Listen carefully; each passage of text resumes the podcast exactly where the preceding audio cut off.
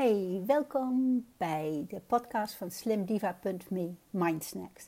Dit zijn kleine podcasts die je gaan helpen bij het verliezen van je gewicht. Um, het is nu 3 januari. Het is een nieuw begin. Geloof je erin? Of weet je eigenlijk nu al dat het gaat mislukken? 3 januari. Kerst en nieuwjaar zijn voorbij. Gisteren had je nog even de tijd om te eten wat je wilde, want vanaf 3 januari heb jij gepland dat je eindelijk gaat afvallen. Je hebt heel veel online gezocht naar het voor jouw perfecte dieet. De meeste diëten had je trouwens al een keer geprobeerd. Maar er zijn altijd weer nieuwe ideeën en nieuwe producten om af te vallen. De dieetindustrie heeft in januari altijd een omzet. En jij bent een van die vrouwen die daarvoor gaat zorgen. Je hebt je ingeschreven bij clubs als Weight waarmee waar een super niet magere vrouw, reclame voor maakt. Je krijgt berichten binnen van Modifast om even een kickstart te maken door hun maaltijdvervangers te kopen en om daarna weer langzaam normaal eten te gaan invoeren. Je kijkt naar recepten van Fit Girls, vaak groene, super healthy smurrie die je bijna niet weggewerkt krijgt. Misschien heb je besloten om keto te volgen, maar weet je wel nog niet hoe je dat gaat inpassen in de maaltijden met je gezin. Misschien zie je je gezin wel als stoorzender in je afvalpoging. Die kunnen normaal eten en die willen ook normaal eten. Ga je dan twee keer koken, een keer voor jezelf met supermagere producten zonder vet of koolhydraten en dan voor die andere gehakbal met aardappel en groenten? Dat is waar jij al gaat twijfelen of het gaat werken. Ze moeten wel meedoen hè, en je ondersteunen. Maar je wil ook niet te veel aandacht op je lijnen vestigen, want je schaamt je voor je overgewicht. Je wil niet dat je kinderen die dieetmentaliteit overnemen en geobsideerd raken door afvallen en weegschaal. Je hebt de verschrikkelijkste verhalen gezien. Maar vooralsnog heb je een keuze gemaakt hoe je dit keer gaat aanpakken. Je bent super gemotiveerd en je wil niet alleen je kerstkilo's kwijt, maar ook de kilos En daarna ook nog die overgangskilo's. En ik ben opgehouden met roken kilo's. Je wilt tien twintig kilo afvallen. En in je hart denk je eigenlijk meer aan 30 kilo. Je leest successtories van vrouwen die je voorgegaan zijn. En als zij het kunnen, kun jij het ook. En dat klopt ook. Alleen niet op de manier waarop jij denkt dat te gaan bereiken.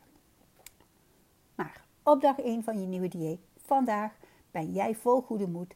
En daar moet je van profiteren. Alle kleine beetjes gaan je helpen. En dag één is zo'n moment. Vandaag ga jij minder eten dan je verbruikt. En dat zal uiteindelijk tot gewichtsverlies leiden. Want afvallen is namelijk gewoon een rekensommetje hoor. Als je minder calorieën krijgt dan je verbruikt, val je af. Morgen zal die weegschaal waarschijnlijk iets minder aangeven. En daar word je gewoon heel blij van. Dat levert dopamine op in je hersenen. En dopamine zorgt ervoor dat jij je goed voelt en daar hou je van. Op dag twee ben je daarom altijd nog wel heel gemotiveerd en je gaat door. Woensdag ben je weer wat kwijt, maar t begint een beetje aan je te knagen dat je niet normaal kunt eten. Een knapperig broodje met kaas is natuurlijk veel lekkerder dan zo'n shake, maar je houdt vol. Op donderdag beginnen de anderen in je omgeving een beetje te klagen dat het iets lekkers in huis is en dat ze skier niet lekker vinden en gewone yoghurt willen. Op vrijdag ben je een kilo kwijt En je houdt jezelf voor dat het waarschijnlijk allemaal vocht is. Maar in je hoofd zit je te rekenen één kilo per week. Dat is vier in een maand. Dat is 48 kilo in een jaar. Veel meer dan je van plan was om af te vallen eigenlijk. Misschien kun je je dieet een beetje aanpassen. Je wil ongeveer dertig afvallen. Dus 750 gram in de week zou ook al heel goed zijn. En dan is het weekend. En daar heb je je cheat day in gepland. Op zaterdag en of zondag ga je gewoon eten. Je hebt dat verdiend na al dat afzien tijdens de week. Weekend is gezellig met iets lekkers op de bank zitten. Gezellig met elkaar ontbijten. bijntje nootjes, chips in de avond op de bank. Lekker relaxen. En maandag ga je weer beginnen.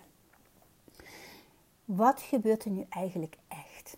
Nou, je bent met kers twee, misschien drie kilo bijgekomen. bovenop de coronakilo's.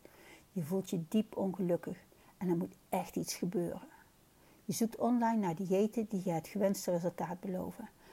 Achter in je hoofd ben je nu al weer bang voor mislukking en dat je voor altijd dik zult blijven.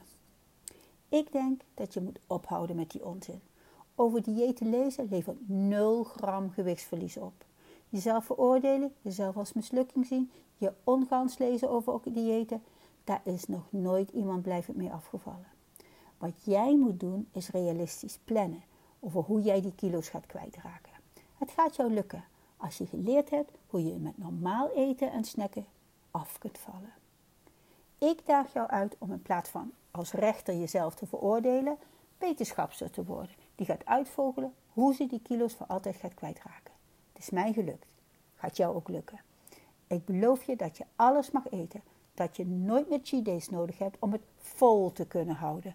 Jij gaat vanaf nu, ja letterlijk, vanaf nu afvallen.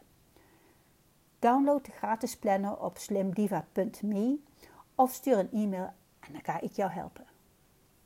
Veel succes!